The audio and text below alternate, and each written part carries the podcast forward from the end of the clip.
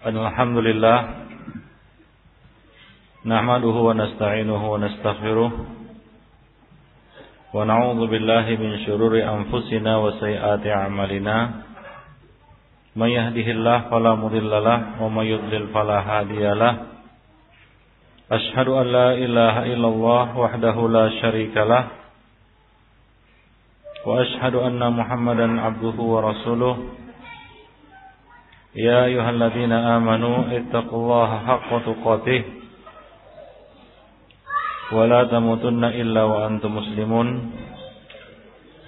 أما بعد فإن أحسن الكلام كلام الله وخير الحدي هدي محمد صلى الله عليه وسلم وشر الأمور محدثاتها وكل محدثة بدعة وكل بدعة ضلالة وكل ضلالة في النار Ikhwani Fiddin rahimani wa rahimakumullah jami'an Pada pertemuan yang lalu kita telah menjelaskan tentang salah satu kelompok yang keluar dari sunnah dan ini merupakan kelompok bid'ah yang pertama kali muncul di dalam Islam yaitu kelompok Khawarij. Pada pertemuan lalu kita telah menjelaskan beberapa ciri-ciri mereka. Di antaranya adalah kaum Khawarij ini mengkafirkan pelaku dosa besar dan menyikapinya sama seperti orang kafir. Memperlakukan pelaku dosa besar seperti memperlakukan orang kafir. Seperti misalnya halal darahnya, kemudian halal hartanya, kemudian tidak dikuburkan di perkuburan kaum muslimin, tidak mewarisi dan lain-lain sebagainya.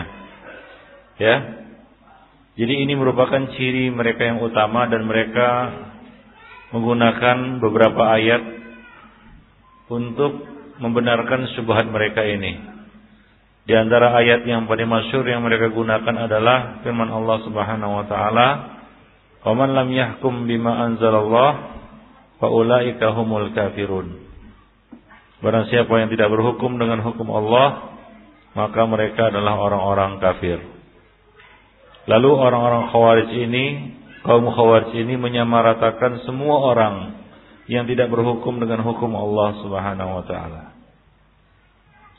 Nah, kemudian mereka keluar dari kepemimpinan kaum muslimin, yaitu dari wulatul amri, waliul amri. Ya. Mereka memberontak, mereka mengangkat senjata, mereka membangkang terhadap pemimpin kaum muslimin yang sah dan keluar dari jemaah kaum muslimin yaitu menyempal mereka anggap kaum muslimin kafir ya, dan e, apa namanya tidak sah salat di masjid-masjid mereka.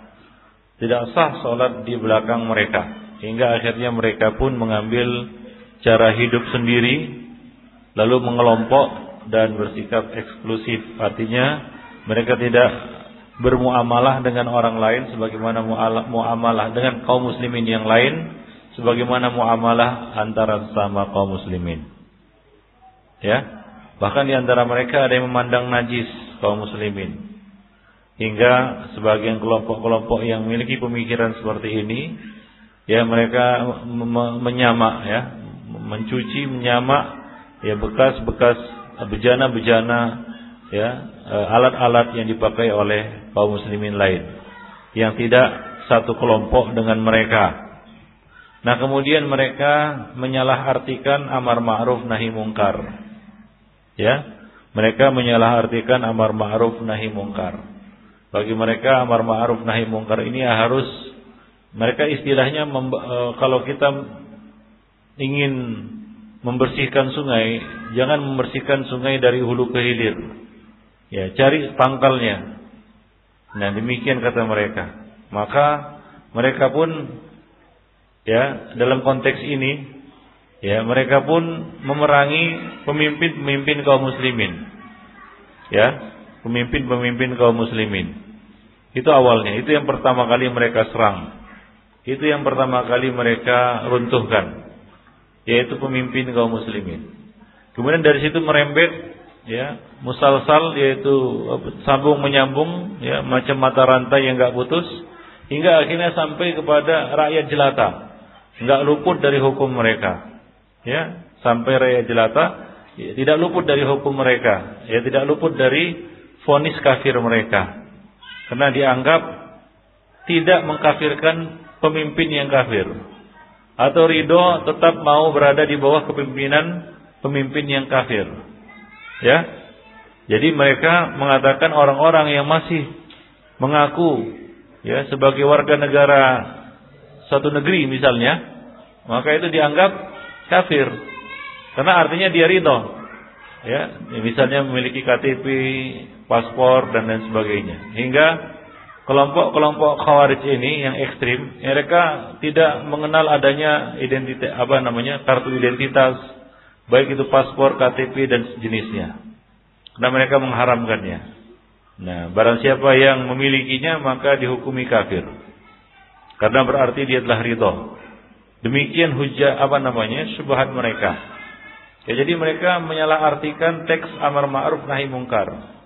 Mereka artikan mereka bawa kepada menentang kepada para pemimpin, ya, menjatuhkan para pemimpin dan mengadakan oposisi serta memerangi siapa saja yang berada di jalur apa namanya pemerintahan.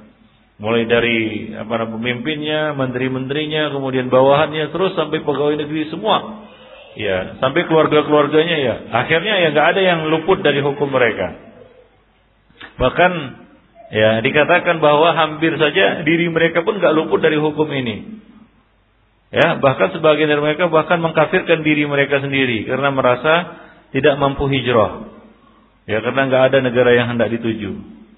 Dan nggak mampu beli pulau juga akhirnya mereka mengkafirkan diri mereka sendiri nah demikian nah ini akibat dari menyalahartikan teks amar ma'ruf nahi mungkar.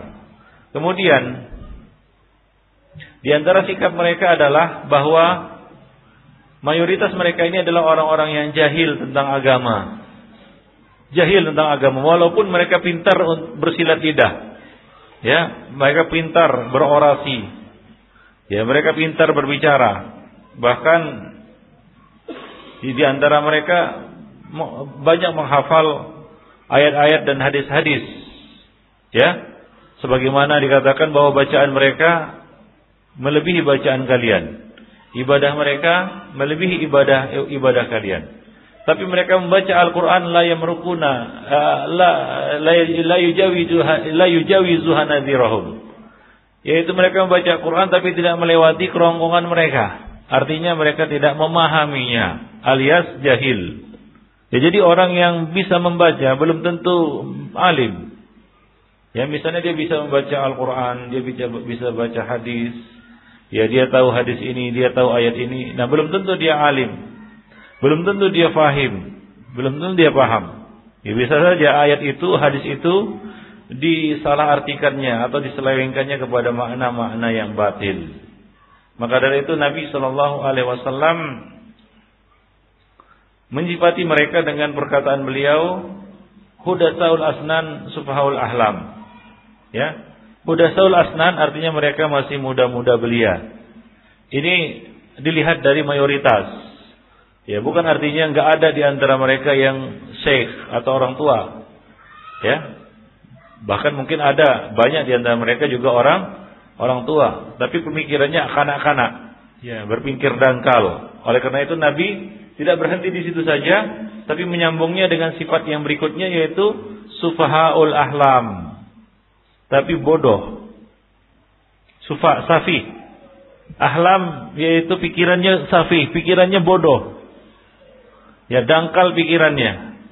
Hanya melihat ya apa namanya sesuatu itu secara garis besar saja. Ya, tidak melihat jauh ke belakang Ya, lebih didorong kepada sikap emosional. Cepat bereaksi tapi tidak melihat akibat dari perbuatan. Nah, ini adalah sifat dari kaum Khawarij. Ya, seperti sekarang ini coba lihat ya kasus yang lagi apa namanya? Yang lagi marah ya sekarang ini apa ini? Hah? Ahmadiyah? Ya, siapa yang nggak tahu Ahmadiyah sesat? Ya, satu dunia ini tahu. Bahkan di sebagian negeri itu sudah disisihkan dari kaum muslimin sebenarnya. Walaupun mereka mengaku, mengaku dan mengaku. Tapi apa yang dilakukan oleh sekelompok orang yang punya gaya khawarij?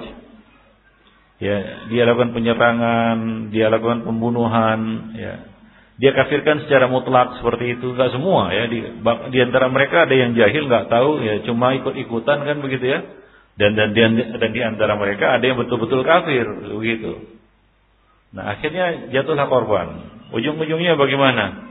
Sekarang ini ya keluarlah RUU kerukunan beragama kan? Legal, legal lah mereka. Jadi coba lihat Iman ya. Sikap mereka yang terburu-buru ya di dalam ingin menyelesaikan sesuatu tidak ada kesabaran hingga akhirnya menjadi kontraproduktif. Ya, kemungkaran tidak hilang, bahkan kemungkaran menjadi eksis. Eksis. Ya, tidak hilang kemungkaran itu dengan tindakan-tindakan kaum Khawarij sejak, sejak dulu.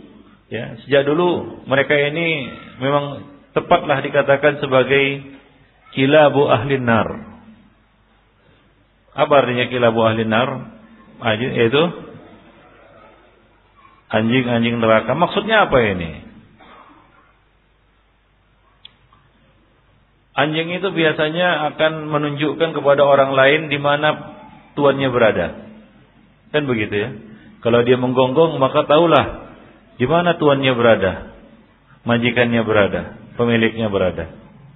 Nah, dia memberitahu kepada musuh di mana tempat ya apa namanya tempat mereka berada.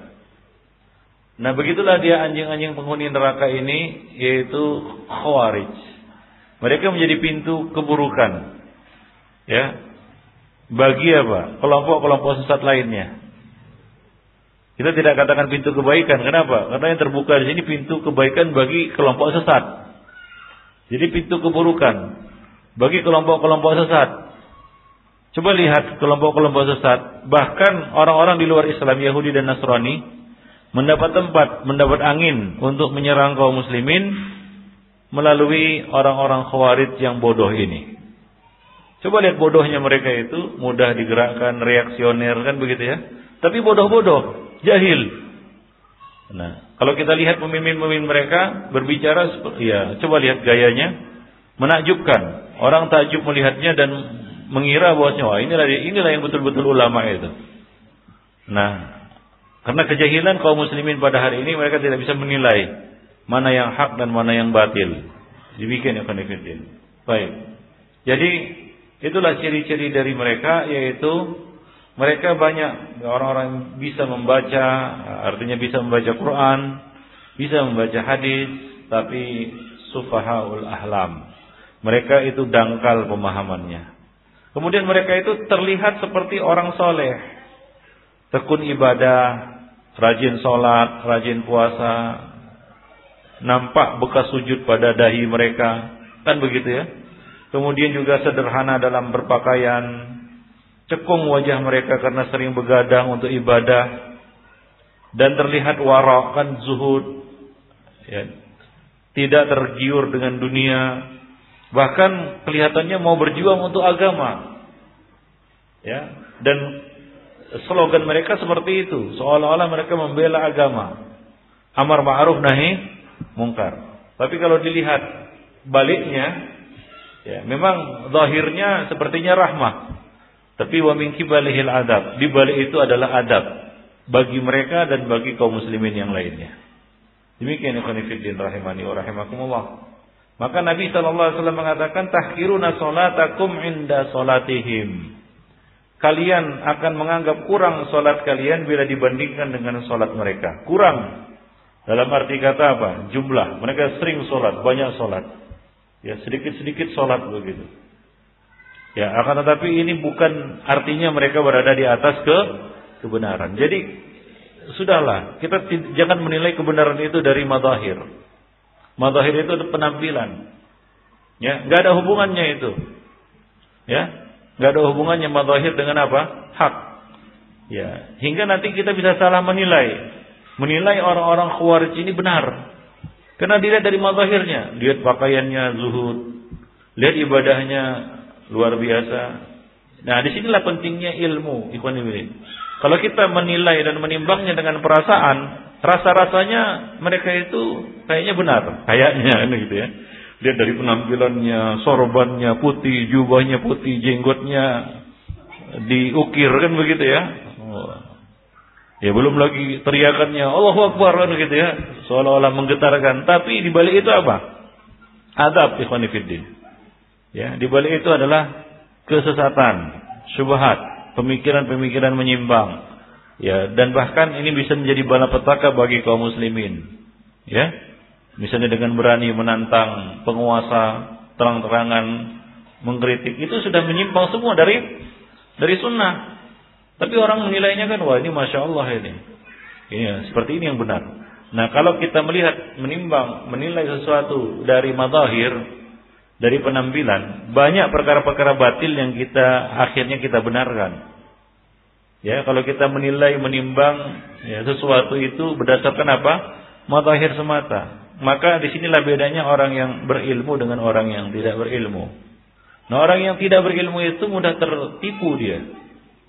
Ya, dikasih aja penampilan yang seperti second gitu ya. Lalu bicaralah dia tentang agama, eh dibawa kepada kemusyrikan. Dia nggak tahu. Coba lihat bagaimana syaitan menipu manusia untuk menjerumuskan mereka kepada syirik. Yaitu ketika syaitan menjelma dalam wujud sosok sosok apa? Seorang syekh ya, yang jenggotnya panjang putih pakai jubah kan begitu ya, lalu mengumandangkan talbiyah. Ya. Kemudian talbiyah ini ya ditiru oleh Amr bin Luhai al-Khudai.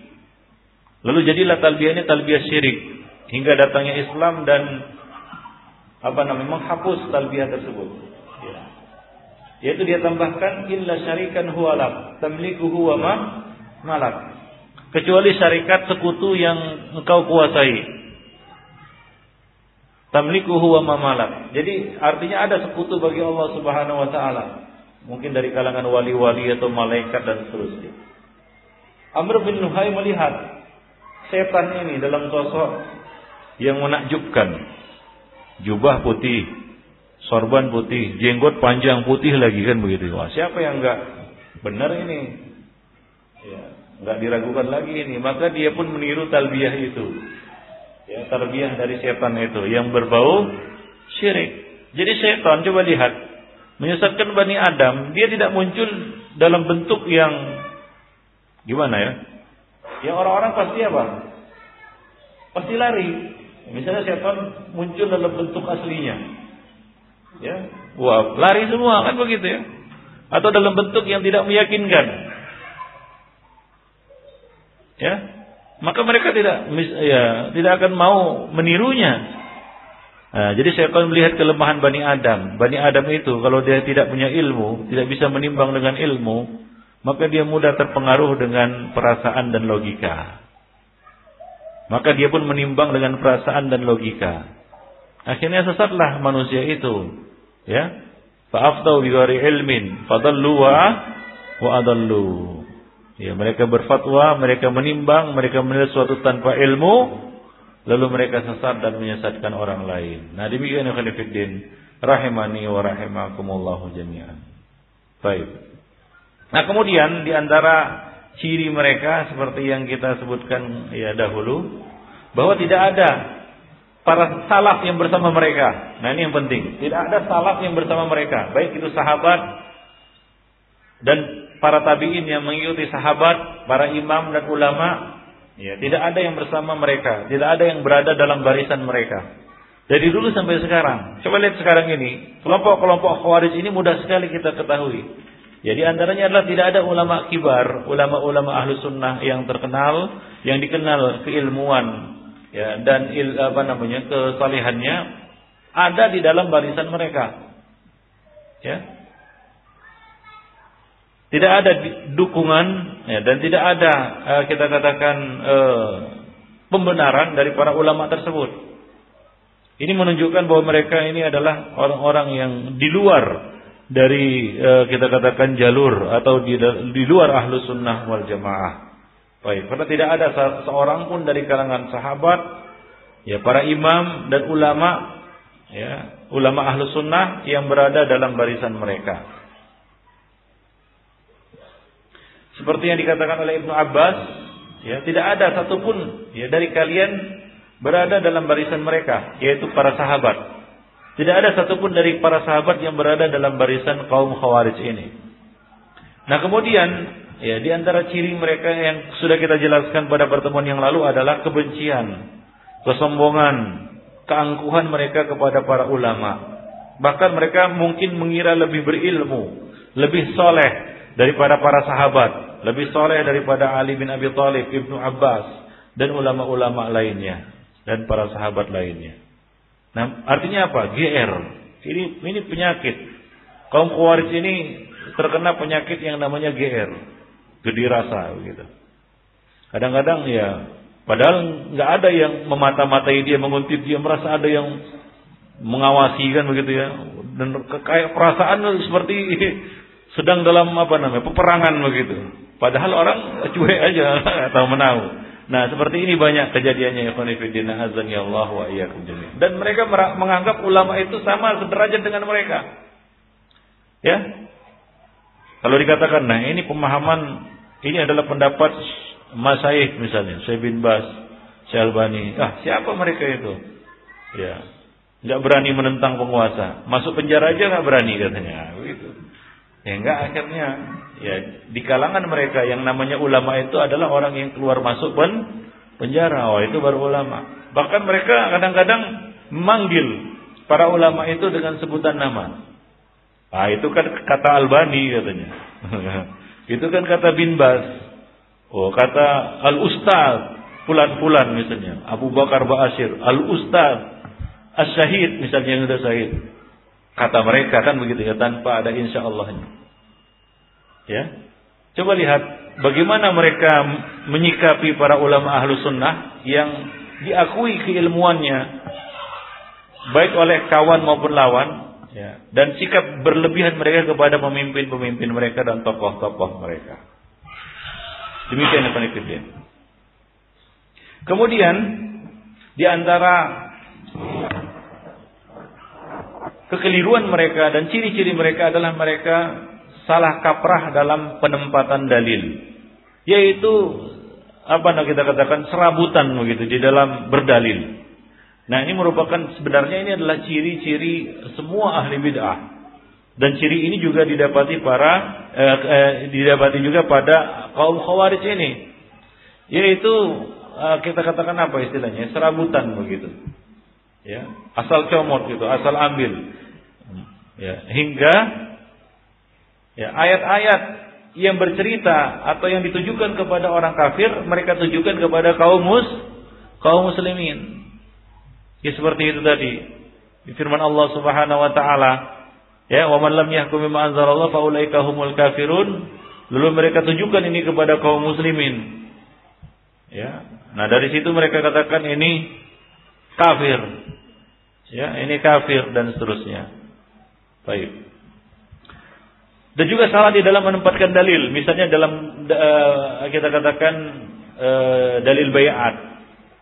Ya. Mereka membawa satu hadis. Ya. Yang berbunyi Man mata walaysa fi unuqihi bai'ah mata mitatan jahiliyah. Barang siapa yang mati sementara di lehernya tidak ada ikatan bai'ah, maka dia mati matinya jahiliyah. Ya, lalu mereka terapkan ini kepada kaum muslimin, ya kekeliruan mereka di dalam dalil ini ya, mereka terapkan ini kepada kaum muslimin. Ya. Bahwasanya mereka kaum muslimin tidak berbaiat kepada imam mereka. Bukan kepada pemimpin yang disepakati oleh seluruh kaum muslimin tapi pemimpin mereka yang kadang-kadang nggak diketahui sosoknya, siapa dia? Perwakilan saja. Kan begitu ya. Nah, ditanya siapa pemimpinnya, pucuk pimpinannya? Mereka rahasiakan. Ya, mereka rahasiakan, kadang-kadang mereka rahasiakan. Nah, demikian. Kenapa? Karena gerakan ini sebenarnya mirip mafia.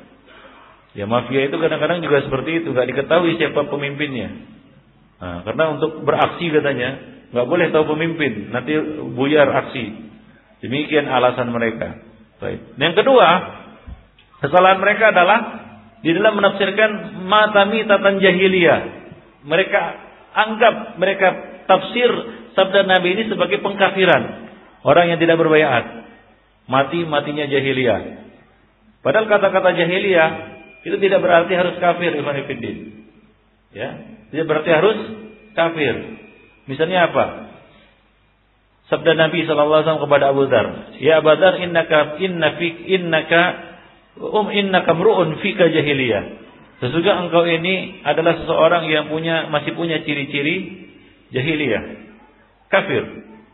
Tidak. Jadi mereka tafsirkan serabutan begitu, lalu mereka kafirkan. Dan mereka salah menempatkannya juga. Nah ini kekeliruan mereka. Dan di antara hadis yang mereka tafsirkan serampangan adalah sabda Nabi SAW, la yasrik as-sarik hina yasrik bahwa mukmin. Tidaklah seorang pencuri itu ketika mencuri dia dalam keadaan mukmin. Jadi mereka katakan pencuri itu kafir. Pencuri kafir. Kenapa? Nabi ini mengatakan, Nabi mengatakan seperti itu. Nah, mereka salah mengartikannya. Ya demikian. Penafian iman di sini bukan penafian apa? Al iman bikulliyah. Iman secara mutlak dinafikan dari dari siapa? Dari pencuri. Ya, cuma waktu dia mencuri imannya lemah. Maka dikatakan ketika dia mencuri nakisul iman, imannya imannya lagi drop. Kenapa dia mencuri? Karena imannya kedrop. Bukan artinya dia tidak ada iman, kafir. Lalu setelah mencuri balik lagi menjadi mukmin. Ya.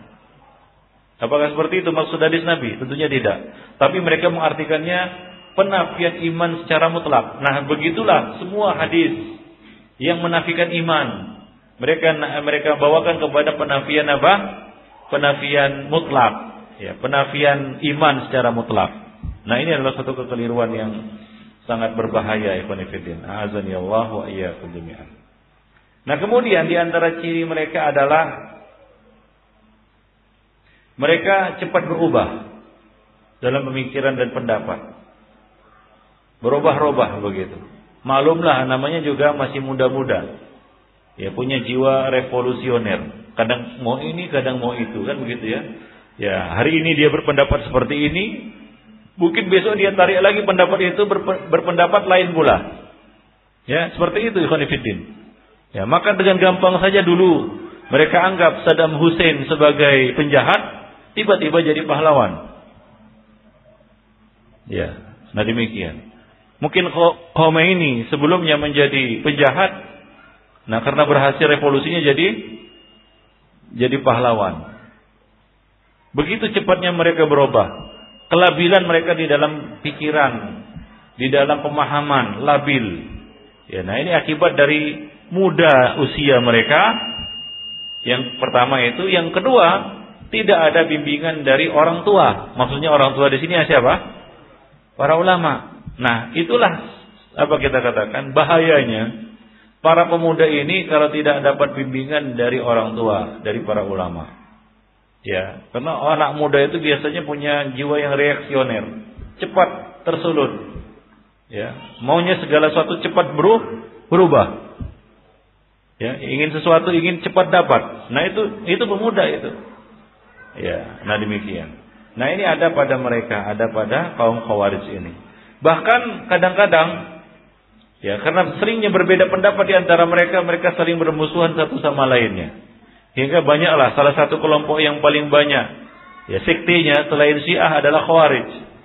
Sekte ini banyak ya, ada Ibadiyah, ada apa uh, apa namanya uh, uh, kita katakan Waqfiyah dan lain sebagainya. Baik. Kemudian tergesa-gesa dalam menghukum dan menentukan sikap kepada orang lain tanpa klarifikasi. Ya tanpa perlu dicek di, apakah benar. Ya hanya sekedar berita sampai kepada mereka mereka langsung menjatuhkan vonis hukum berdasarkan berita tersebut. Ya tanpa perlu mengamalkan firman Allah Subhanahu wa taala in ja'akum fasikum binaba'in fatabayyanu. Mereka enggak perlu tabayyun enggak perlu klarifikasi. Nah, terutama kepada pemimpin. Kepada pemimpin nggak perlu klarifikasi kata mereka yaitu pemimpin kalau misalnya datang berita wah dia sudah, udah salaman dia dengan pemimpin Yahudi. Oh, salaman peluk-pelukan. Nah, berarti dia sudah ikut apa namanya? mengiyakan dan membenarkan agama Yahudi dan seterusnya. Lalu ini dijadikan sebagai alat untuk menjatuhkan hukum. Wah, berarti dia kafir.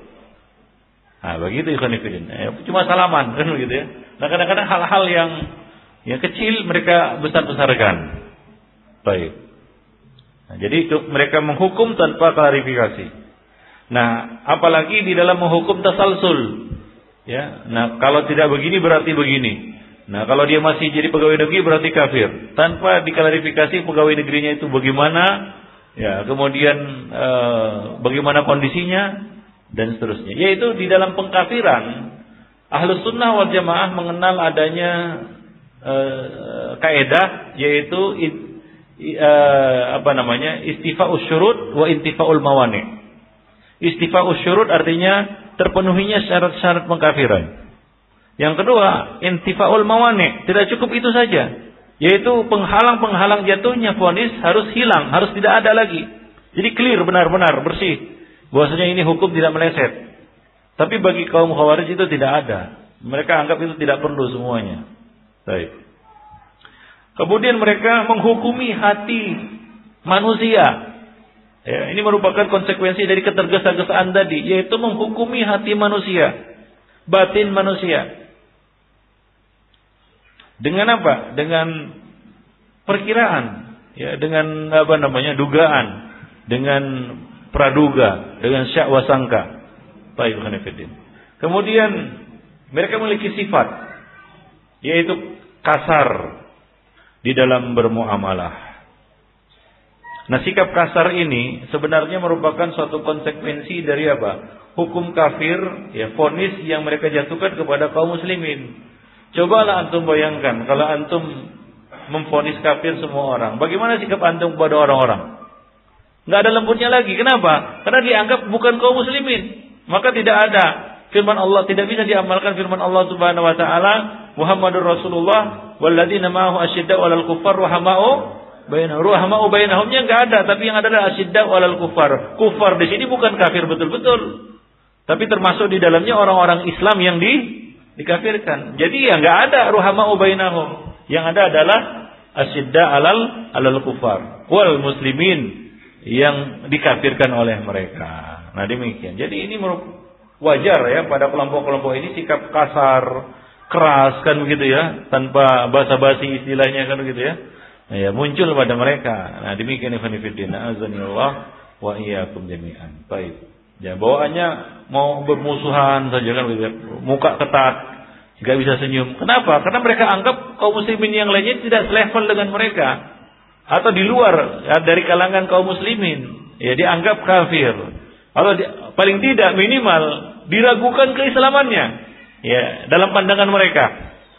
Hingga wajar kalau mereka ya nah dan konsekuensi lainnya adalah mereka gampangan di dalam masalah muamalah harta misalnya.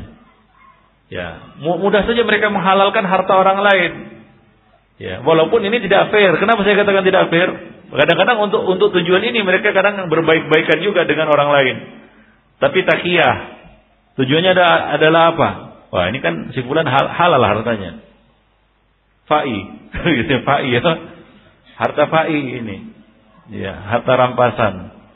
Ya, tanpa penaklukan itu fai. Jadi mereka anggap harta kaum muslimin harta fai. Ya. Ya, dan mereka pun dengan mudah melakukan penipuan, ya. Nah, modus mereka sekarang ini kalau terhadap kaum muslimin itu penipuan. Nah, kalau kepada orang kafir itu perampasan. Nah ini modus mereka ikhwan fillah azani Allah wa iyyakum jami'an.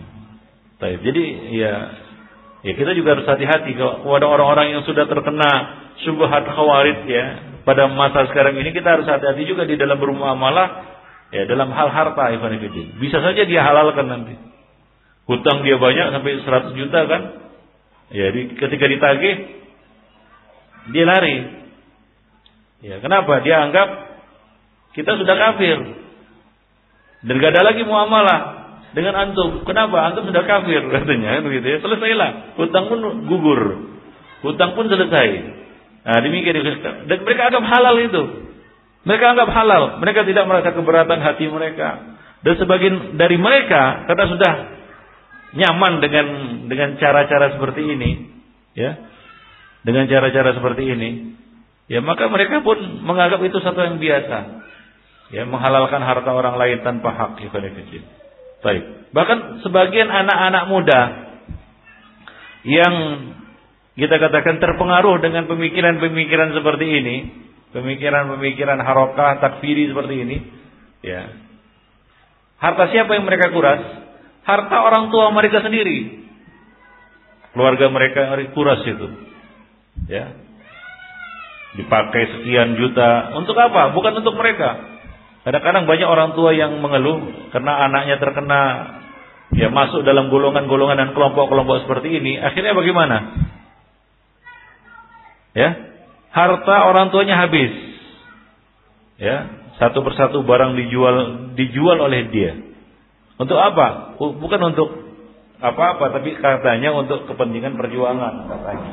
Nah, demikian ya Baik itulah dia beberapa eh, ikhwanifiddin ya eh, ciri-ciri dari kelompok ini yang sebenarnya ini sebagiannya sudah kita apa namanya kita jelaskan pada pertemuan yang lalu ikhwanifiddin. Nah kemudian ikhwanifiddin ya eh, menurut berita dan kabar yang sampai kepada kita dari Rasulullah Sallallahu Alaihi Wasallam melalui hadis-hadis beliau bahwa Khawarij ini akan terus ada sampai akhir zaman. Jangan kira bahwasanya tidak ada Khawarij sekarang. Sudah tutup buku, namanya kelompok Khawarij sudah terkubur dalam tanah. Tidak terkubur dalam tanah. Mereka adalah gerakan bawah tanah. Ya, orang yang bergerak bawah tanah itu tikus, cacing gitu ya. Itu. Itu yang bawah tanah. Nah, setelah uh, Rasulullah SAW menyebutkan dalam banyak ha, dalam banyak riwayat ya, di antaranya adalah uh, ciri-ciri mereka, ya, bahwasanya mereka uh, mempunyai sesuatu menyerupai buah dada. Syekhul Islam Ibnu Taimiyah mengatakan bahwa tanda yang disebutkan Nabi SAW ini adalah tanda orang pertama yang muncul dari mereka, bukan menjadi tanda khusus pada seluruh mereka. Ada disebutkan bahwa Salah satu ciri mereka adalah ya mereka memiliki sesuatu yang menyerupai buah dada. Nah ini ada pada orang-orang pertama, khawarij yang pertama. Bukan artinya wah sekarang ini nggak ada yang seperti itu. Berarti khawarij nggak ada. Ya, tidak juga ya Khonifuddin ya.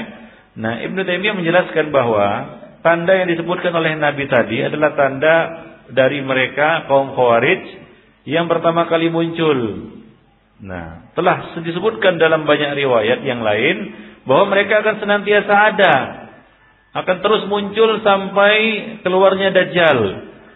Ya, dan mereka berperang dalam barisan Dajjal, kaum Khawarij ini. Nah, dalam riwayat ya disebutkan bahwa nanti akan diperangi oleh kaum muslimin yaitu ahlu sunnah bersama Dajjal.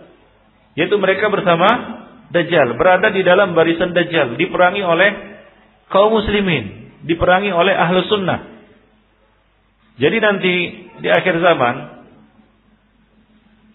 peperangan akan terjadi antara ahlu sunnah melawan satu kaum munafikin, yang kedua adalah Yahudi, yang ketiga ahli bid'ah yaitu Khawarij dan semua ahli bid'ah sebenarnya ya semua ahli bid'ah.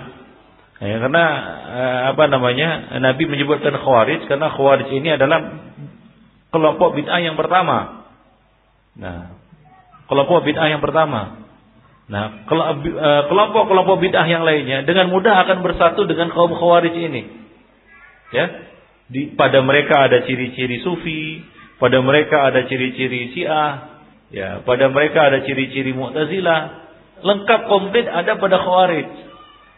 Nah, jadi yang akan diperangi nanti kaum munafikin, Yahudi, kemudian siapa lagi? Khawarij yang menjadi pemimpin dari seluruh kelompok-kelompok bid'ah yang ada, kemudian Dajjal. Nah, itu melawan siapa? Ahlu ahlu sunnah wal jamaah. Nah itu di akhir zaman nanti. Azani Allah wa iyyakum jami'an. Baik. Nah, uh, siapa yang menang? ya, ya nanti yang berperang yang ada di dalam barisan kaum muslimin yaitu Al-Mahdi. Ya, ya.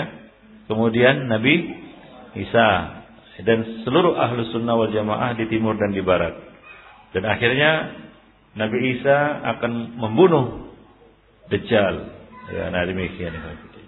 Jadi dalam sebuah hadis diriwayatkan oleh Ali bin Abi Thalib radhiyallahu anhu, ya dia mengatakan saya mendengar Rasulullah sallallahu alaihi wasallam bersabda, saya khurujuna qaumun fi akhir zaman. Nabi mengatakan saya khurujuna qaumun fi akhir zaman. Akan keluar satu kaum nanti di akhir zaman. Bukan artinya dia tidak muncul di awal zaman ya, sudah muncul di pada masa Nabi dan akan terus muncul nanti sampai akhir akhir zaman. Ya, kaum yang bagaimana sifatnya? Ahdasul asnan. Muda-muda usianya. Sufahaul ahlam. Pendek dangkal, ya, cetek pemahamannya kata cetek ya. Tahu cetek? Dangkal pemahamannya. Baik. Yaquluna min khairi qaulil bariyah. Ya. Mereka mengucapkan perkataan yang baik. Yaitu kata-kata yang keluar dari mereka itu luar biasa. Qala Allah dan qala Rasul. Tapi titik. Nah, ini dia. Nah, itu bedanya dengan ahlu sunnah, dengan salafiyun. Ya, mereka qala Allah, qala Rasul, tapi titik. Baca ayat, baca hadis, tapi titik. Ya, jadi orang-orang yang mengatakan kita pegang Quran Sunnah titik, ya jangan-jangan dia terkena nanti subhat khawarij tanpa dia sadari. Nah, demikian ikhwan Ya, jadi uh, ya, khawarij itu seperti itu. Quran Sunnah. Bahkan uh, saya sudah ketemu langsung dengan pemimpin khawarij. Abu Ayyub namanya. Dulu, dulu tapi. Ya. Itu kalau dia ceramah, ceramahnya itu yang keluar dari mulutnya itu cuma ayat dan hadis. Hadisnya juga hadis Bukhari Muslim, bukan hadis-hadis dhaif dan modus seperti orang sufi. Hingga kalau orang menilainya tanpa ilmu pasti akan terpengaruh. Kalau menilainya dengan perasaan, ya, pasti akan terpengaruh. Gak ada keluar dari apa kalau Allah dan qala Rasul, tapi salah di dalam mengartikannya, menempatkannya, memahaminya. Nah ini yang berbahaya. Jadi pemahaman itu yang yang yang berbahaya Ikhwanifidin. Bukan masalah dia pakai apa. Kadang-kadang apa namanya kelompok paling sesat sekalipun dia pakai apa? Ayat. Dia pakai hadis. Ahmadiyah berdebat dia bawa ayat juga. Ya. Ya.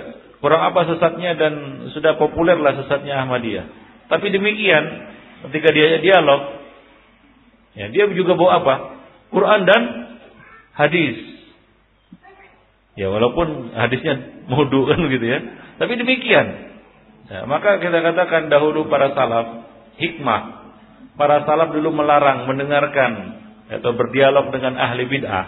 Kenapa? Karena mereka bawa syubhat ini, dia bawa ayat, dia bawa hadis. Nah, apa kata apa namanya Ayub Asyikhtiyani? Tidak, walaupun setengah ayat. Dia gak mau mendengarkan dari ahli bid'ah. Kenapa? Karena ayat yang dibacakannya syubhat. Dalam dari sisi apa? Bukan ayatnya doif, bukan. Gak ada ayat yang doif. Gak bisa kita katakan, oh ayatmu doif. Gak ada ayat yang doif. Dari sisi apa? Pemahaman. Nah ini yang berbahaya. Baik. Jadi mereka mengatakan min kau min khairi qaulil bariyah. Ya, dari perkataan sebaik-baik manusia. Ya. Perkataan Nabi dia bawakan dan seterusnya la yujawizu la yujawizu ya hanajirahum akan tetapi bacaan mereka itu tidak melewati kerongkongan mereka. Mereka baca Quran, mereka baca hadis, bawakan dalil Quran, ayat Quran ayat, dan hadis Nabi, tapi tidak melewati kerongkongan mereka. Artinya adalah tidak mereka pahami dengan benar. Ya merukuna minad din kama yamruqus saham minar ramiyah. Mereka melesat keluar dari agama, ya. Sesat dari agama sebagaimana ya melesatnya anak panah dari busurnya, ya. Nah, Nabi mengatakan fa aina ma laqitumuhum faqtuluhum. Di mana saja kamu temui mereka, maka perangilah mereka. Ya. Fa inna fi qatlihim ajran liman qatalahum yaumal qiyamah. Karena Nabi mengatakan barang siapa yang membunuh mereka, maka ia akan mendapatkan pahala pada hari kiamat. Tapi tentunya memerangi khawarij ini bukan swasta ya. Tak boleh kita wah, kita galang pasukan kita memobilisasi kaum muslimin untuk memerangi khawarij. Kita memerangi mereka dengan hujah. Ya, seperti yang dilakukan oleh Ibnu Abbas. Menghujah orang-orang Khawarij sehingga setengah dari mereka taubat.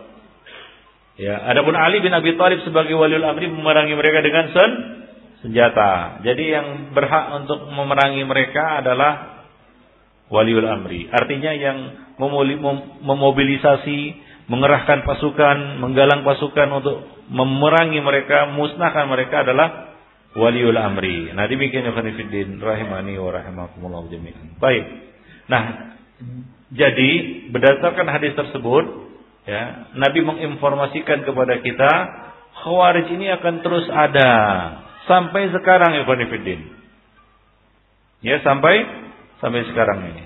Nah, jadi kalau kita lihat sekarang ini kan banyak ya kelompok-kelompok yang seperti ini, ciri-cirinya ya ciri-cirinya ya seperti misalnya sedikit pemahaman agamanya nggak ada di kalangan mereka ulama yang masyhur dengan ilmunya yang benar kan begitu ya kemudian berlebih-lebihan gulu sikap gulu di dalam beragama ya berlebih-lebihan ya untuk menunjukkan kadang-kadang kewaroannya kezuhudannya hingga jatuh dalam sikap yang berlebih-lebihan hingga sampai kepada batas menghalalkan yang haram mengharamkan yang halal Nah, karena ketatnya dia dalam beragama.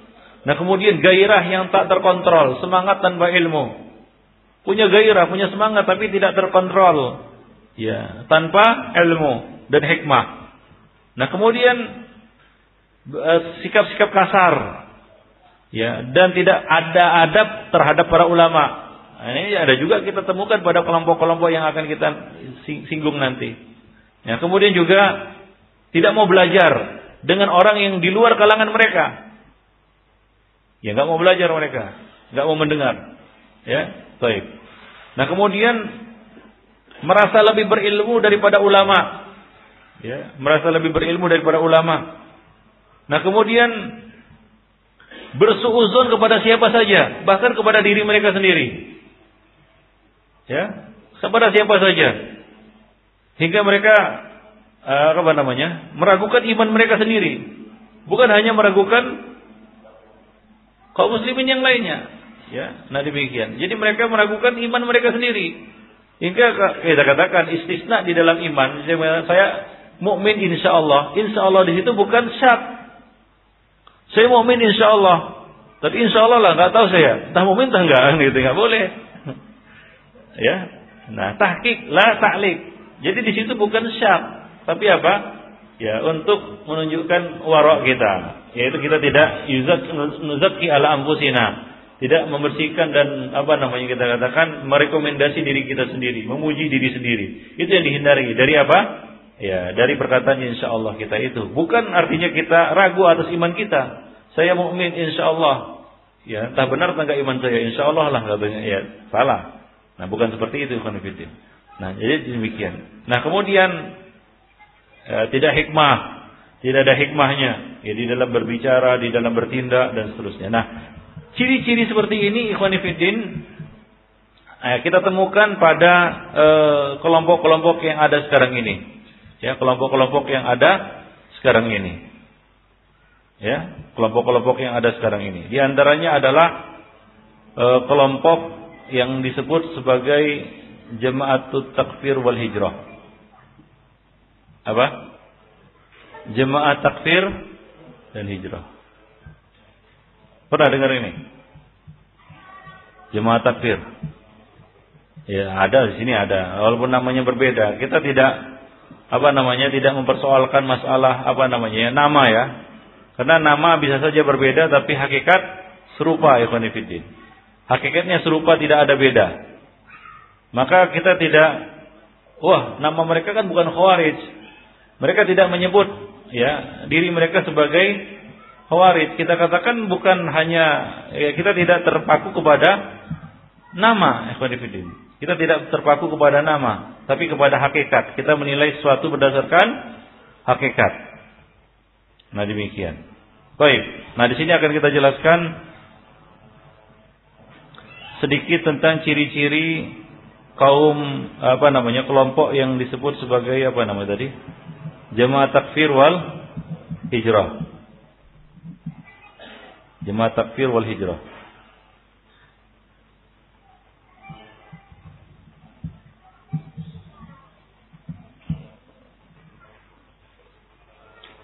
Baik Fiddin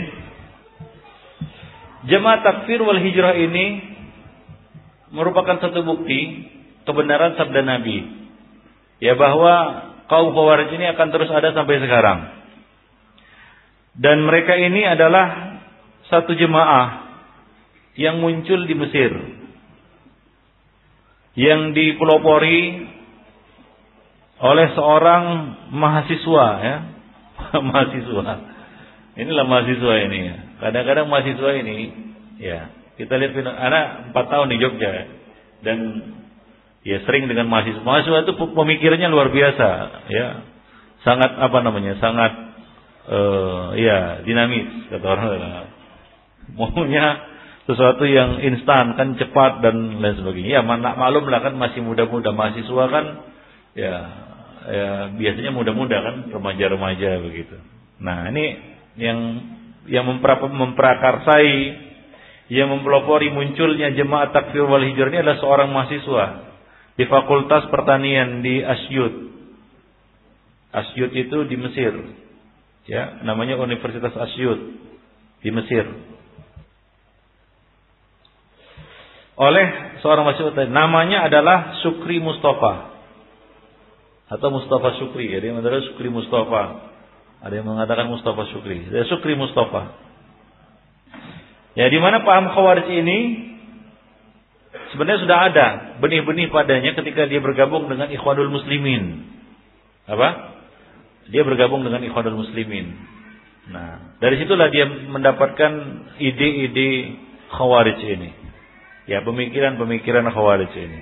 Namun dia nggak puas dengan kaum apa Ikhwanul Muslimin ketika dia lihat ikhwanul muslimin ini menyalahi kata-kata ataupun prinsip-prinsip mereka. Yaitu ketika e, jemaah ikhwanul muslimin memutuskan untuk ikut demokrasi. Ikut parlemen di Mesir. Maka dia pun kecewa istilahnya. Dan lalu dia pun membuat satu barisan, eh, barisan sakit hati. BSH. Barisan sakit hati. Ya, jadi ini induknya sebenarnya ikhwanul muslimin. Walaupun akhir-akhir ya apa namanya pengikut-pengikutnya yang terakhir menolak dikatakan ikhwanul muslimin dan lebih mengaku kepada salaf. Ya ngaku-ngakunya salaf, begitu dia. Padahal dia nggak ada ya kita katakan nggak ada hubungannya sama sekali Sukri Mustafa dengan salafiyun dan ulama salaf resmi ya murni Sukri Mustafa ini menyusu dari tokoh-tokoh ikhwanul muslimin seperti Hasan Al-Banna, kemudian Said Kutub, ya, kemudian Said Hawa dan beberapa pemimpin-pemimpin kaum Ikhwanul Muslimin lainnya. Ya, jadi nggak ada sangkut pautnya dengan apa? Ulama salaf. Ya, nggak ada sangkut pautnya dengan ulama salaf atau dengan salafiyun. Baik. Dan pemimpin paham khawarij ini makin mengakar pada dirinya setelah ia terpidana masuk penjara. Ini kadang-kadang penjara bisa jadi musibah juga bagi sebagian orang. Ya keluar dari penjara, banyak orang keluar dari penjara jadi ulama. Tiba-tiba aja dia jadi ulama, nggak tahu entah belajar apa di penjara dia. Sama siapa dia belajar, kan begitu ya. Nah banyak orang-orang ya di kalangan mereka ini keluar dari penjara jadi jadi pemimpin, pemimpin spiritual satu kelompok. Nah, ya sekitar tahun 1385 Hijriah. Lalu yang mendapatkan paham ini banyak mendapatkan paham khawarij ini di penjara. Ya, hingga sekitar tahun 1391 Hijriah. Nah, nah jadi penjara ini ya perlu juga diawasi ini sebenarnya. Karena sebagian orang ya khususnya yang terpidana masalah-masalah ya kita katakan pembangkangan terhadap penguasa ya. Kalau dulu kan supersi, sekarang teroris kan gitu ya. Nah itu mereka menyebarkan pemahaman itu di penjara. Jika keluar dari penjara beraksi lagi seperti sekarang ini yang yang beraksi di CIMB kan gitu ya. Rata-rata itu resi apa namanya? Mantan-mantan terpidana kan begitu. Nah, keluar beraksi lagi dia. Ya ternyata penjara membuatnya semakin dewasa. Semakin mengakar pemahaman itu dan siap melakukan aksi berikutnya. Nah demikian. Baik. Maka Nabi mengatakan sebenarnya obat nabawi adalah perangi mereka sampai mereka atau hujah mereka sampai keluar subhat khawar itu dari kepala mereka. Kalau sekedar dihukum penjara nggak tobat mereka. Bahkan penjara dijadikan sebagai suatu tempat penggemblengan. Bahkan tempat pengkaderan. Ya, nah demikian. Baik. Jadi orang-orang penjahat-penjahat ya yang tobat sayang kali ya betul tobat tapi akhirnya masuk kelompok-kelompok sesat. Kalau nggak sufi, nah jadi perlu juga dakwah salaf ini masuk ke penjara. Tapi bukan masuk penjara ya, masuk penjara. Sudah ada, sudah ada, ya, dan masih berlangsung sampai sekarang. Tapi ya tentunya kita berpengaruh apa namanya ber, apa namanya kita katakan berper, uh, berperang ya, ya bertarung lah, ya melawan pengaruh-pengaruh yang lainnya yang juga berdakwah di penjara. Jadi seperti si Sukri Mustafa ini yang menjadi matang ya pemikiran khawarijnya itu di penjara. Baik. Dan tambah berkembang pada sikap yang berlebih-lebihan hingga ya apa namanya? Ya terjadilah suatu peristiwa yaitu uh, kita katakan di sanderanya ya Dr. Muhammad Hussein Az-Zahabi oleh kelompok mereka. Ini siapa ini? Siapa? Mana?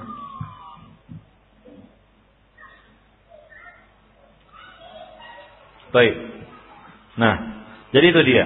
Jadi eh, kelompok atau takfir wal hijrah ini, ya khawarij masa kini ini muncul dari seorang yang jauh dari ilmu. Satu, masih muda, mahasiswa. Ya. Kemudian punya gairah berlebihan hingga masuk penjara. Ini tolong dia dulu.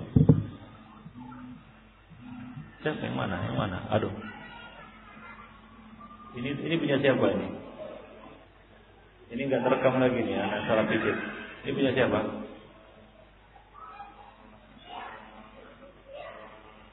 Salah punya.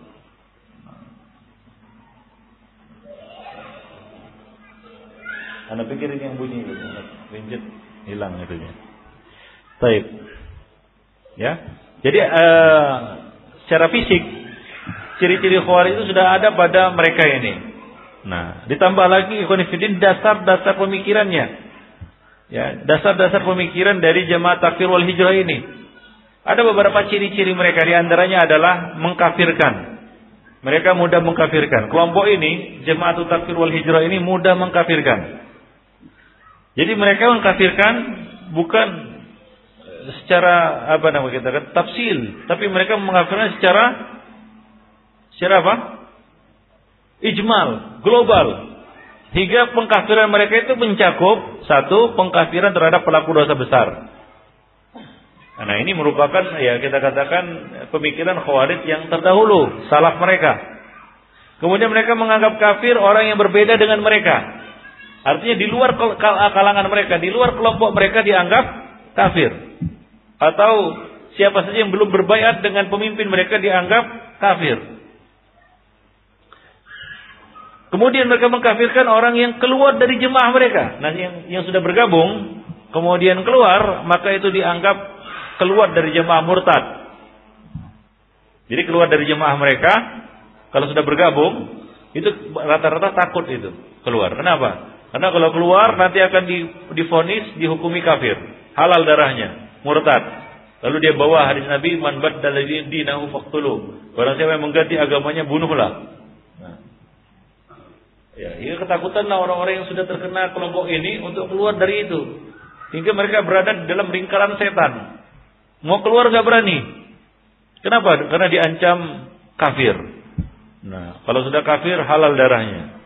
Nah, demikian. Jadi sangat menakutkan Ibn Baik. Nah, kemudian mereka mengkafirkan masyarakat muslim dan mereka hukumi sebagai masyarakat jahiliyah. Kalau antum pernah dengar ya, ya ada seorang penulis dari kalangan mereka yaitu Muhammad Kutub penulis buku namanya Jahiliyah abad 20. Ya, Jahiliyah itu Qarnul Isrin. Ya, itu diterjemahkan wah dulu populer itu di kalangan orang-orang harokah. Nah sekarang alhamdulillah buku itu kayaknya nggak ada lagi di toko-toko buku atau ya, nyempal lah nggak nampak lagi. Wah dulu itu dipajang di depan itu. Ya ada eh, kita katakan revolusi di dalam apa namanya buku-buku ini, buku-buku terjemahan.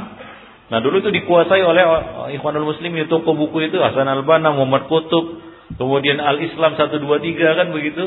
Sayyid Hawa entah apa-apa bukunya itulah yang masyur dulu. Muhammad Ghazali, ya. Terus siapa? Qaradawi dan sejenisnya. Tapi sekarang sudah muncul ya penerbit-penerbit salaf yang mempopulerkan eh, buku-buku salaf hingga akhirnya mereka juga ikut-ikutan. mereka juga ya apa penerbit penerbit ya ikhwan ya sekarang juga mulai apa namanya menggarap buku-buku salaf tapi berbahaya karena mereka tidak amanah.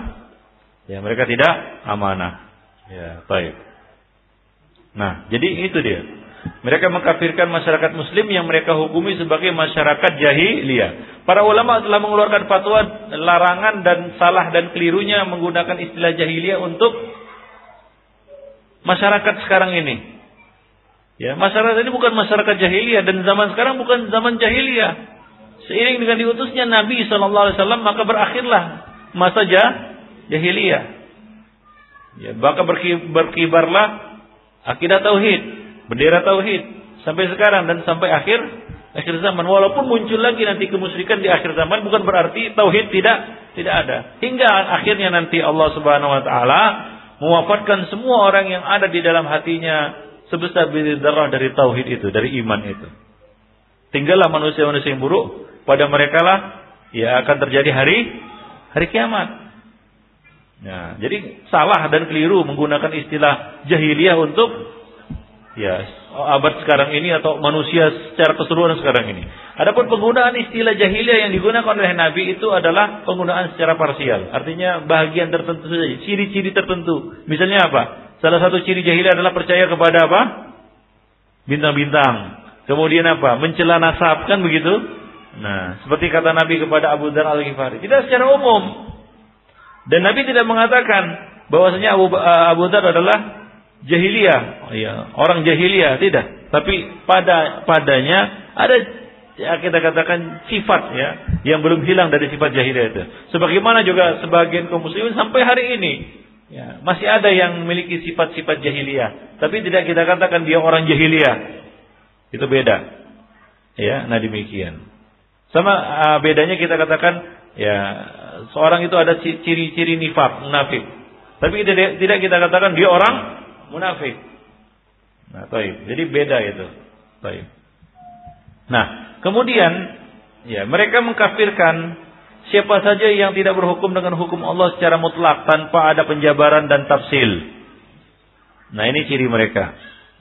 Ya, jemaah takfir wal hijrah. Kemudian mereka mengkafirkan siapa saja yang tidak mau berhijrah ke kepada mereka. Ya, tidak mau berhijrah kepada mereka. Dan hijrah ini mereka lambangkan dengan bayat. Wah, kalau ditanya nanti kepada mereka, maka dikatakan jamaatut takfir wal hijrah. Hijrah itu mereka lambangkan karena mereka nggak punya wilayah, ya nggak punya apa namanya kita katakan negara kan begitu ya negaranya kan negara di awang-awang kan begitu ya. Negara khayal istilahnya. Negeri dongeng. Negara dongeng. Nggak ada wujudnya. Nah lalu bagaimana untuk mo, mo, apa namanya mengesankan seolah-olah punya negara? Yaitu dengan apa? Bayat bayat bid'ah tadi. Lalu mereka ikatlah warga mereka ini dengan baik bayat. Mereka anggap itu sebagai proses hijrah. Wah kamu sudah hijrah? Katanya gitu. Artinya sudah sudah bayat atau belum? Nah kalau belum bayat artinya belum hijrah. Nah karena belum bayat dikafirkan. Nah, demikian. Jadi mereka mengkafirkan siapa saja yang tidak mau berbaiat dan hijrah kepada mereka. Baik. Nah, kemudian mereka menganggap kafir secara mutlak orang yang tidak tidak ikut mengkafirkan orang yang mereka kafirkan. Lalu mereka menggunakan secara serampangan ya kaidah malam yukafirul kafir bahwa kafir. Barang siapa yang tidak mengkafirkan orang kafir maka dia kafir. Maka muncullah dari kalangan mereka ini namanya tasalsul fi hukmi takfir. Tasalsul artinya mata rantai di dalam menghukumi kafir. Jadi menguji orang dengan itu. Ya, maka dikatakan kamu si fulan itu kafir atau tidak? Kadang-kadang eh, yang dijadikan bahan ujian adalah ulama terkenal. Misalnya misalnya apa? Syekh bin Baz. Datanglah salah seorang dari mereka mengatakan, menurutku bin Baz kafir atau tidak? Kalau dikatakan tidak berarti wah berarti kamu tidak mengkafirkan orang kafir maka kamu juga kafir. Nah, kafir kawannya ini kan. Ditanya yang sampingnya, ya, si berani kafir atau tidak? Nah kalau jadi kafir itu kafir juga ya. Demikian ikhwanifidin. Nah ini namanya tasalsul fi hukmi takfir. Nah tasalsul fil hukum ini batil ikhwanifidin. Ya.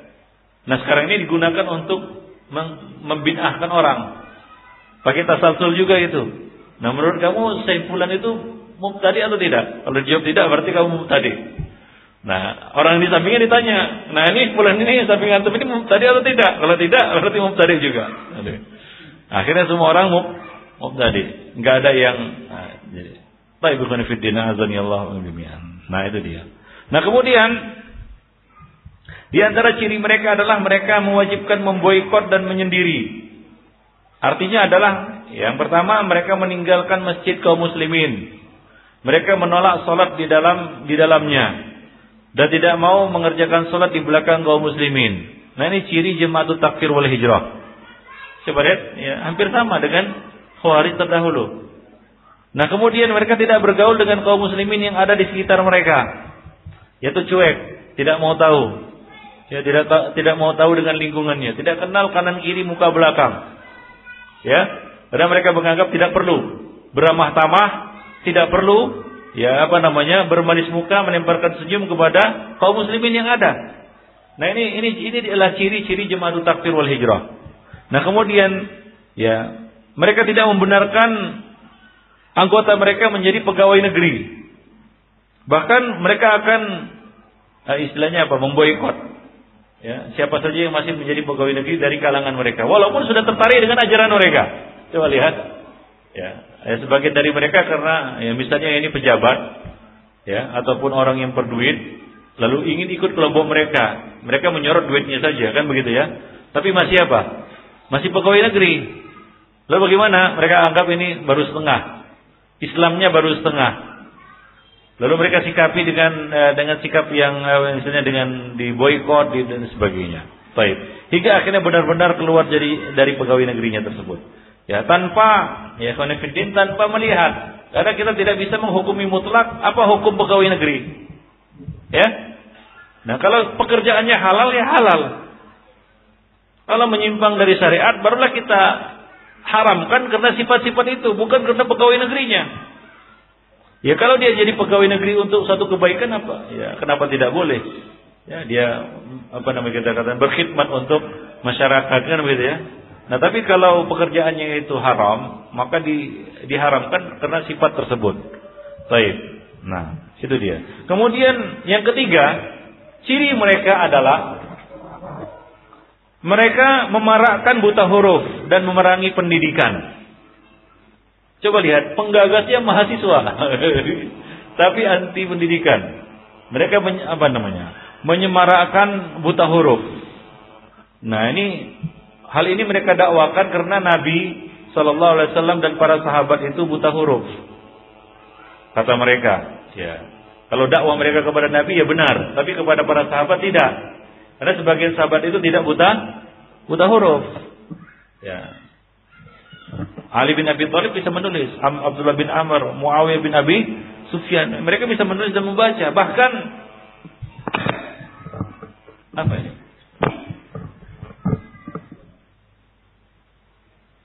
Bahkan salah seorang sahabat Nabi, uh, kalau tidak salah siapa namanya? Uh,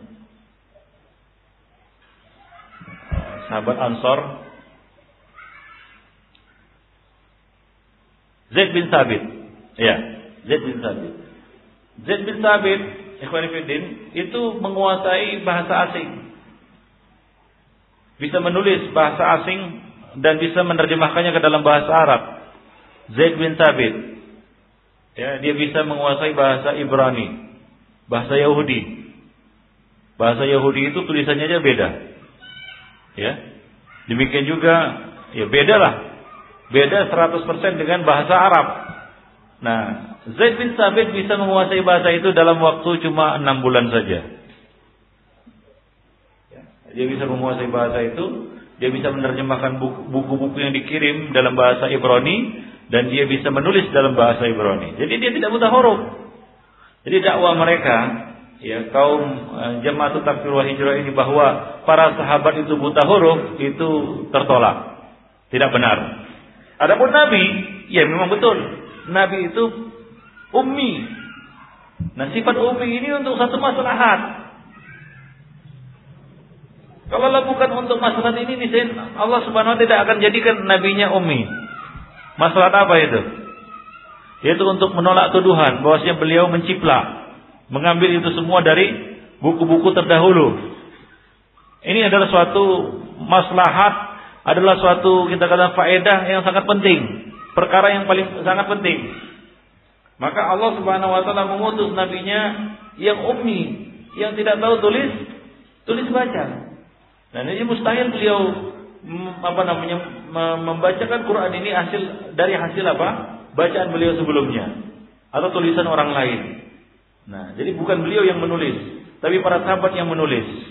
Ya, dan bukan beliau yang membaca, ya dari buku-buku yang lain, tapi wahyu yang Allah Subhanahu wa taala turunkan kepada kepada beliau. Nah, demikian yang Jadi nabi itu disifati sebagai ummi untuk satu faedah yang agung. Jadi tidak bisa dijadikan dalil bahwa nabi itu ummi. Maka saya juga ya dulu dibacakan ayat ya kul ya apa? Kul in kuntum tuhibbunallaha fattabi'uni gitu. Nah, ikutilah aku. Kemudian dia ah, Nabi kan buta huruf. Nah ini salah kaprah namanya. Nah seperti itulah orang-orang apa namanya? Orang-orang khawarij ini, jemaah takfirul hijrah ini. Lalu mereka menyemarakkan buta huruf. Mereka mengharamkan belajar sekolah. Gak perlu belajar, yang penting masuk surga. Penting juga kita pikirkan ini. Gak perlu belajar, gak perlu nuntut ilmu, gak perlu sekolah, tapi yang penting masuk surga. Gimana masuk surganya gak tahu juga itu. Ya. Azani Allah wa. Nah, ini adalah sikap-sikap yang dikembangkan oleh jemaat takfir wal hijrah. Enggak tahu ini mungkin juga ditipan dari Yahudi ya. Nah, bagaimana untuk membodohkan kaum muslimin ini melalui orang-orang ini? Nah, bodohlah dia. Jadi mereka mendakwakan itu. Lalu mereka klaim mereka melakukan itu karena mereka meniru dan mengikuti Nabi yang ummi. Kata mereka. Nah demikian. Nah, baik. Karena mereka menganggap tidak mungkin menggabungkan antara mencari ilmu dunia dengan ibadah kepada Allah Subhanahu wa taala. Ya, jadi maraklah di antara mereka itu artinya apa ya? Tidak sekolah, tidak belajar, membiarkan anak-anak mereka buta huruf. Ya kita tahulah sekarang ini, kalau generasi ya kita kaum muslimin buta huruf bagaimana? Jadi apa? Ya mudah untuk di dikuasai. Mudah untuk dia apa? Mudah untuk di kita katakan diperalat. Nah, nah itulah sebenarnya yang diinginkan oleh musuh-musuh Islam melalui siapa? Kaum Khawarij. Nah, sejak dulu sampai sekarang kaum Khawarij ini selalu dijadikan sebagai batu loncatan untuk orang-orang kafir. Anehnya, Salafiyun lah yang selalu dituduh sebagai batu loncatan untuk orang kafir. Tapi kalau kita lihat dan kita uh, apa namanya nilai secara fair, sebenarnya kaum khawarij inilah yang menjadi batu loncatan untuk orang-orang kafir. Ya, untuk menguasai kaum muslimin. Ya, melalui aksi-aksi mereka, pemikiran-pemikiran mereka dan seterusnya. Baik, jadi mereka memerangi pendidikan. Ya. Nah, sekarang ini muncul pula ya pemikiran-pemikiran aneh. Ya bahwa sekolah nggak perlu pakai kelas, Kayak gini aja ya. Dulu nggak ada kelas. Ya, dulu nggak ada kelas. Ya, dulu kayak gini semua. Ya nggak perlu disekat-sekat ada kelas 1, kelas 2, kelas 3, ada SD, SMP, SMA, Ibtidiyah, Saniawa dan Aliyah. Nggak perlu ada fakultas dan lain sebagainya. Ngaji gini aja udah. Ikhwan azani Allah wa iyyakum jami'an. Ya, ini termasuk subhat juga. Ya, yang berbahaya sebenarnya. Ya berbahaya ini. Ya tidak sama dulu dengan dengan sekarang. Apa dulu sekarang ini semuanya seperti sahabat? Hah? Saya tanya dulu. Apakah orang-orang sekarang ini semuanya seperti sahabat? Mengerti, bisa memilah-milih. Pemahamannya seperti Ibnu Abbas atau Ibnu Umar atau hafalannya seperti Abu Hurairah. Kan tidak. Itu sama seperti ada sebagian orang yang berdalil ya, dia ikuti kata-kata bapaknya untuk menceraikan istrinya. Lalu dia pakai apa? Kisah Umar menyuruh Ibnu Umar untuk menceraikan istrinya. Lalu disampaikanlah hal ini, ya kebodohan ini kepada si bin Bas. Lalu si bin Bas mengatakan, apakah kamu itu Umar? Apakah anakmu seperti Ibnu Umar? Jika bisa bisa dilakukan, diterapkan seperti itu. Ya nggak bisa, ya Khonifitin. Ya nggak mutlak artinya seperti itu. Ya, demikian juga orang-orang yang mengatakan, wah dulu kan nggak ada kelas. Ya sama saja, kenapa kita harus belajar nahu? Kenapa kita harus belajar ilmu hadis? Kenapa kita harus belajar ilmu fikih? Dulu kan gak ada. Dulu gak ada itu. Ya, ya tentunya Ikhwanifidin ini namanya maslahat mursalah. Ada maslahat di situ. Ya, kita membuat kelas-kelas seperti ini. Ya, artinya apa? Kita bisa mengklasifikasi, wah ini kelasnya sekian, apa namanya kelas 1, kelas 2, kelas 3. Ya, dipisah berdasarkan usia kan begitu ya?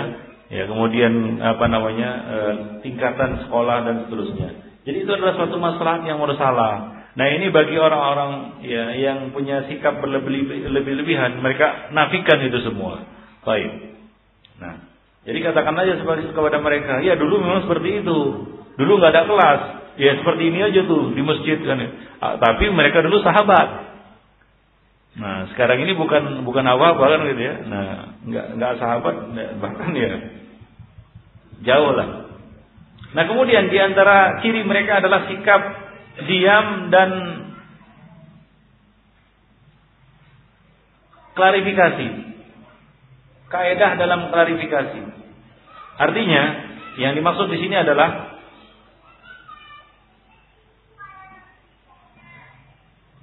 tidak menilai seseorang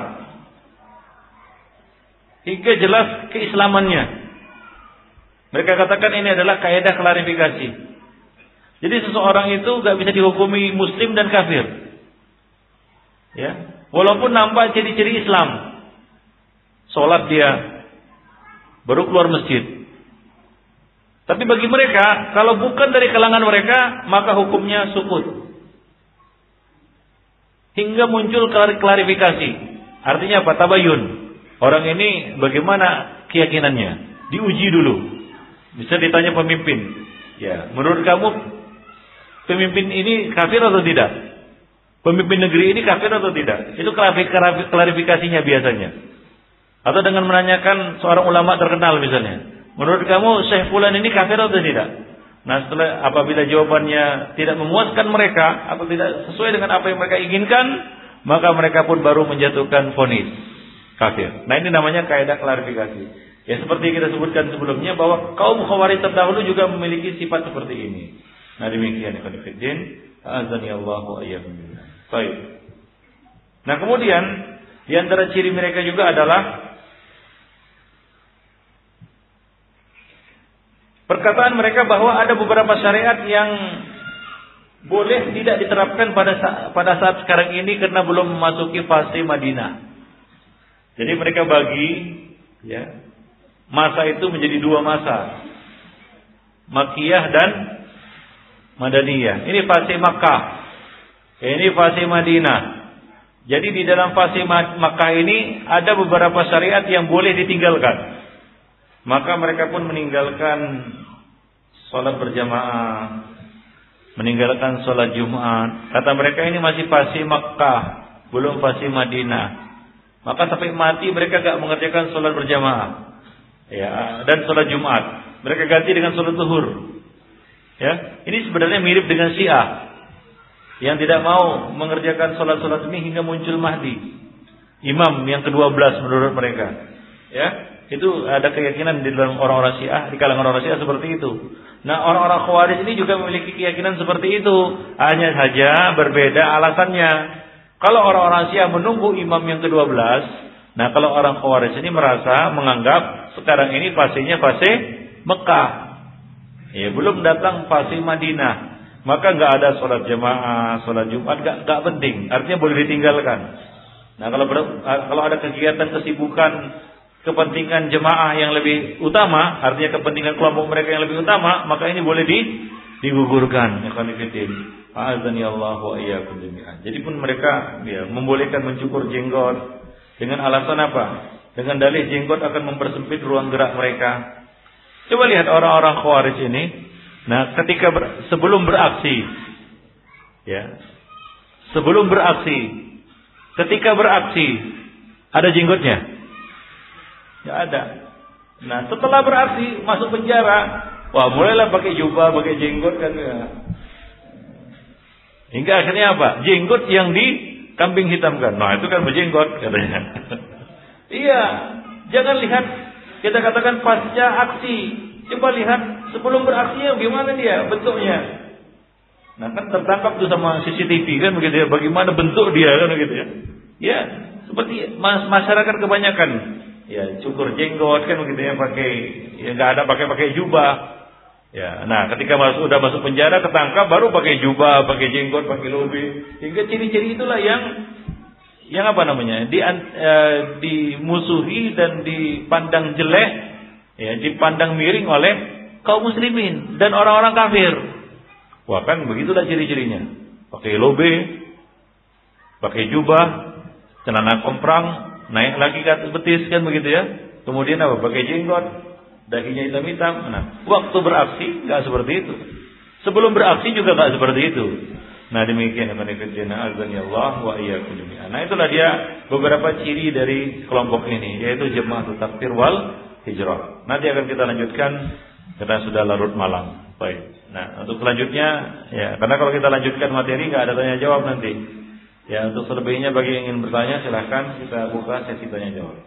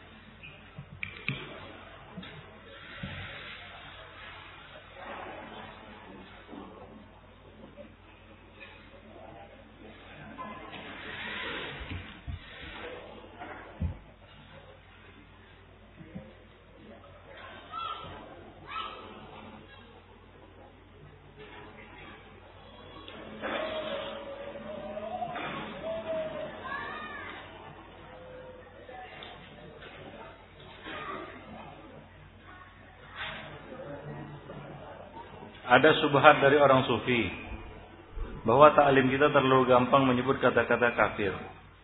Bagaimana kita menanggapinya? Apa maksudnya ini? Apakah dia menghitung berapa kali kata kafir keluar dari kita? Apa maksudnya? Banyak pun tapi tepat nggak jadi masalah. Tapi satu aja tapi menyimpang itu bahaya. Iya kan?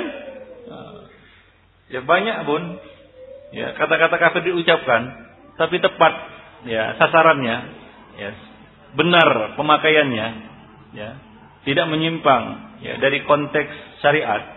Nggak mengapa. Ya, apa yang perlu dipermasalahkan? Apakah dia menghitung beberapa kali kata kafir yang diucapkan oleh ustaz ini kan gitu. Ya, kalau pembahasannya tentang takfir ya banyak lah kan begitu. Atau tentang apa namanya faktor-faktor yang membuat seorang itu kafir ya banyak tentunya. Nah, jadi ini enggak sebenarnya nggak jelas ini apa maksud dia ya dari tuduhan ini. Ini bukan subhat sebenarnya tapi tuduhan. Baik. Ya, bagaimana kita menanggapinya? Ya, menanggapinya adalah dia sendiri dia dia harus membuktikan sendiri. Ya, datang dia, dia bawa kalkulator, dia hitung berapa kali kan begitu ya. Nah, kemudian kita ya kita putar lagi rekamannya. Nah, yang pertama digunakan untuk ini benar, berarti nggak masalah. Sampai akhirnya gitu ya. Nah, mereka orang sufi ini kadang-kadang sekali saja, tapi ya, rusak dunia dibikinnya, kan gitu ya.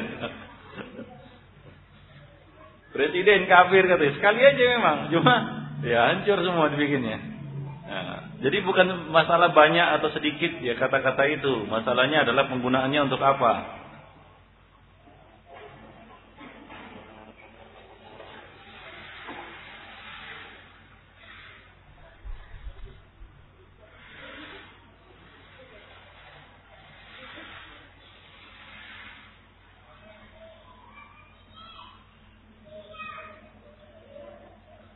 Saya mau tanya, adakah keharusan mengembalikan satu barang yang diharamkan, yang mana barang tersebut kita dapat dengan cara yang tidak benar? Ya wajib hukumnya mengembalikan barang yang diambil dengan cara yang tidak hak. Artinya itu bukan hak. Bukan hak artinya bukan bukan punya kita, bukan milik kita, bukan hak kita. Maka wajibannya adalah mengembalikan kepada yang berhak, kepada yang apa namanya, yang memilikinya.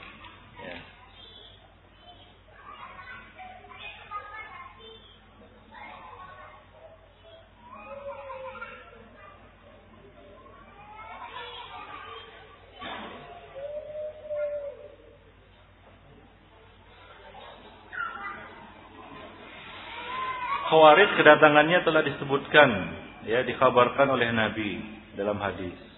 Demikian juga firqah yang lain, misalnya Majusi umat ini adalah apa? Qadariyah, Qadariyah Majus hadil umat. Tapi mengapa Syiah tidak ada? Ya dikabarkan kedatangannya oleh Nabi. Ada. Siapa bilang nggak ada? Ah, ada. Bukankah kita membaca hadis? Ya, sataftariku ummati ala salasin wa sab'ina firqah kulluha finnar. Itu sudah cukup. Illa wahidah. Ma'ana alaihi wa ashabi. Ma'ana alaihi wa ashabi. Nah demikian ya. Baik, jadi ada sudah di sudah diisyaratkan kemunculannya. Ya, salah satu dari 73 itu ya. Nah, Ya 72 yang masuk neraka itu. Itu Syiah. Karena mereka tidak berada di atas manhajnya Nabi dan para sahabat beliau.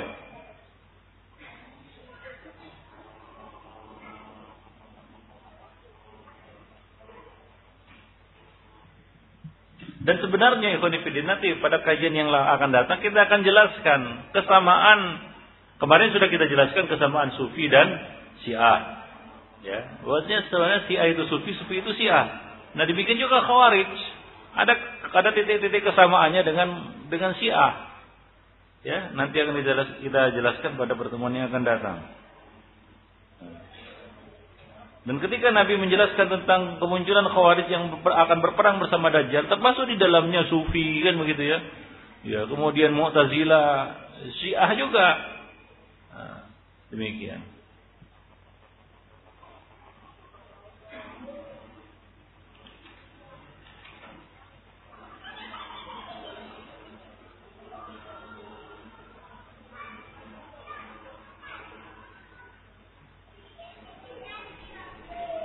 Adakah seorang yang pernah melakukan zina harus menikah dengan orang yang berzina dengannya? Lalu bagaimana jika ia bertobat dan menikah dengan seorang yang baik akidahnya? Ya enggak enggak harus juga Ibn Ibn ya. Baik. Tidak harus nikah dengan oh, ya, tapi ya kita katakan Allah Subhanahu wa taala Allah Subhanahu wa taala mengatakan al khabisatu lil khabisin wal khabisa al khabisuna lil khabisat. Wa thayyibatu lit thayyibin wa thayyibuna lit thayyibat. Nah. Jadi Allah mengatakan yang buruk-buruk itu ya wanita yang buruk-buruk itu bagi ya pasangannya adalah laki-laki yang buruk-buruk. Ya, demikian juga laki-laki yang buruk-buruk itu artinya yang khabis ya seperti pezina itu, maka pasangannya juga wanita yang buruk-buruk. Ya, sebaliknya, laki-laki yang baik-baik, perempuan yang baik-baik, pasangannya adalah laki-laki yang baik-baik dan seterusnya. Ayat itu.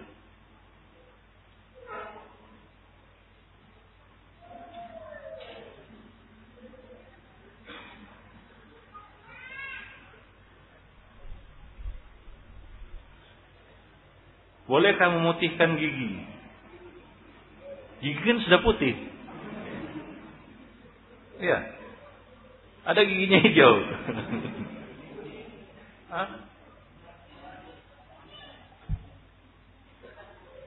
Bolehkah memutihkan gigi dengan menggunakan alat kedokteran? Ada ya? Hah? Itu pasta gigi namanya. Karena asal warna gigi yang dimiliki tidak putih. Warna apa? Kuning. Ya putih kuning-kuningan lah. Kalau putih susu juga ngeri. Jelek. Ya udah, itu warna sudah diciptakan alami seperti itu. Kan gitu ya. Kalaupun agak kuning-kuning sedikit kita itu lupa kalau gigi kan gitu ya. Nah, jadi ya nggak perlu lah. Ya, apa yang merubah-rubah ciptaan Allah Subhanahu wa taala agar terlihat indah. Menurut saya bukan indah, mengerikan kan gitu ya. Kalau dia putih sekali seperti kertas ini. Ya wajar saja. Ya demikianlah Allah Subhanahu Wa Taala menciptakan. Ya, nah demikian. Baik. Gak ada di situ hajat, gak ada di situ darurat untuk memutihkannya. Baik. Bukan juga untuk menakut-nakuti musuh kan gitu ya. Membuat gentar musuh, ya hingga perlu untuk dirubah dengan warna lain seperti apa? Seperti rambut uban. Ya, ya supaya terlihat muda dan garang kan begitu ya. Padahal sudah nafsu besar tenaga kurang, itu dia apa? Ya diinai warna bisa hijau kan gitu ya. Wah, nampaknya masih muda kan begitu ya. Supaya musuh gentar. Nah, itu tujuannya itu. Tapi gigi itu apa?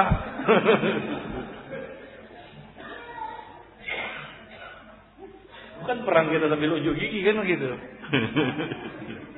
ya, semata-mata untuk kadang-kadang ya untuk action kan gitu ya.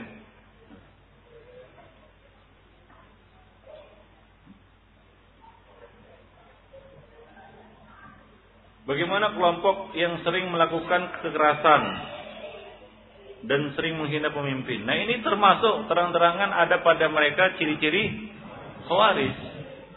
Begitu. Walaupun mereka tidak menamakan dan ya mereka nggak tahu sebenarnya, nggak pernah ngaji khawarij kan gitu ya. Ya, ya, yang jelas mereka salah di dalam ya seperti tadi salah artikan amar ma'ruf nahi mungkar dan melakukannya tanpa kaidah. Ya, di antara ya, kita katakan ya, eh, kelompok Khawarij ada namanya kelompok Al-Qadiyah. Al-Qadiyah ini adalah satu kelompok sekte Khawarij yang tidak turun langsung untuk menggulingkan pemerintah. Akan tapi dia memprovokasi massa untuk menentang dan menggulingkan pemerintah. Sementara dia tidak terlibat. Ini namanya sekte Khawarij yang bernama Qadiyah. Al-Qadiyah. Ya, dikatakan al-qadiyah dari kata qada, artinya dia duduk, duduk manis. Ya, hingga kadang-kadang nggak tersentuh hukum. Wah, siapa bilang? Ya itu bukan ada, nggak saya nggak tahu. Tapi dia yang menjadi apa? Pemimpin spiritualnya. Dia yang menginspirasikan pemuda-pemuda itu untuk melakukan, ya misalnya apa? Ya pemboman bunuh diri kan begitu ya, penyerangan terhadap aparat dan sejenisnya. Ya, secara langsung dia tidak terlibat, tapi dia think tanknya istilahnya. Dialah apa namanya uh, inspiratornya, bahkan kreatornya.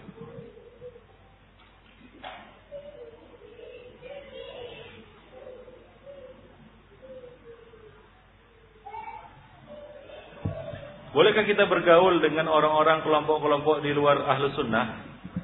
Ya bergaul dalam rangka untuk mendakwahi mereka ya khususnya orang-orang awam dari kalangan mereka. Yang kebanyakan dari orang-orang ini ya terpengaruh ya karena kejahilan. Terpengaruh ke dalam kelompok-kelompok itu ya belum masuk masih terpengaruh. Karena kejahilan. Maka dakwahilah mereka melalui muamalah. Kadang-kadang kalau kita berdakwah langsung gitu kita ceramahi dia nolak gitu. Orang yang sudah terpengaruh tabliknya belum masuk tablik dia belum dibayar kan gitu ya tapi terbang udah kurus tiga hari, tujuh hari, empat puluh hari. Dan dia sudah mulai bangga dengan itu kan ceritalah dia. Ya, penampilannya juga sudah berubah kan gitu ya. Ini orang terpengaruh. Nah, ya jadi kewajiban kita adalah ya mendakwahinya. Dakwah ini ya bukan artinya harus diceramahi. Datang duduk sini dulu biar saya ceramahi.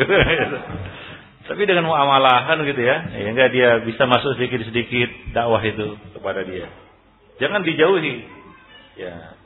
Putus hubungan ya sudah, selesailah. Ya. Nah, jangan tunggu dia mau duduk di depan kita lalu dia menunduk gini sampai kita ceramahi. Enggak. Itu enggak akan terjadi itu kan begitu ya. Kecuali dapat hidayah dari Allah Subhanahu wa taala. Nah, dari mana kita masuk? Kalau tidak dari bab mu'ah, muamalah. Pedagang kita kan gitu ya, kita misalnya jual jange, jual madu, ya agen kita misalnya apa? Tablik kan gitu ya. Ya, bukan berarti ya kamu tablik, gak usah jadi, jadi agen saya. ya enggak juga kan gitu ya. Tapi di sela-sela itu kita harus berdakwah itu kewajiban kita. Nah,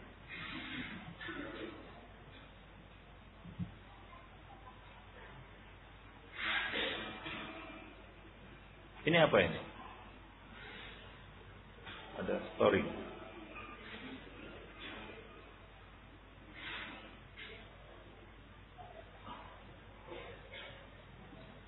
Yang gimana dikatakan ulil amri? Ya, Ustadz yang bagaimana dikatakan ulil amri? Ulil amri itu kata Imam Ahmad yang apabila ditanyakan kepada setiap orang siapa ulil amri maka orang akan memberikan jawaban yang sama atau mayoritas manusia akan menunjuk satu orang yang sama.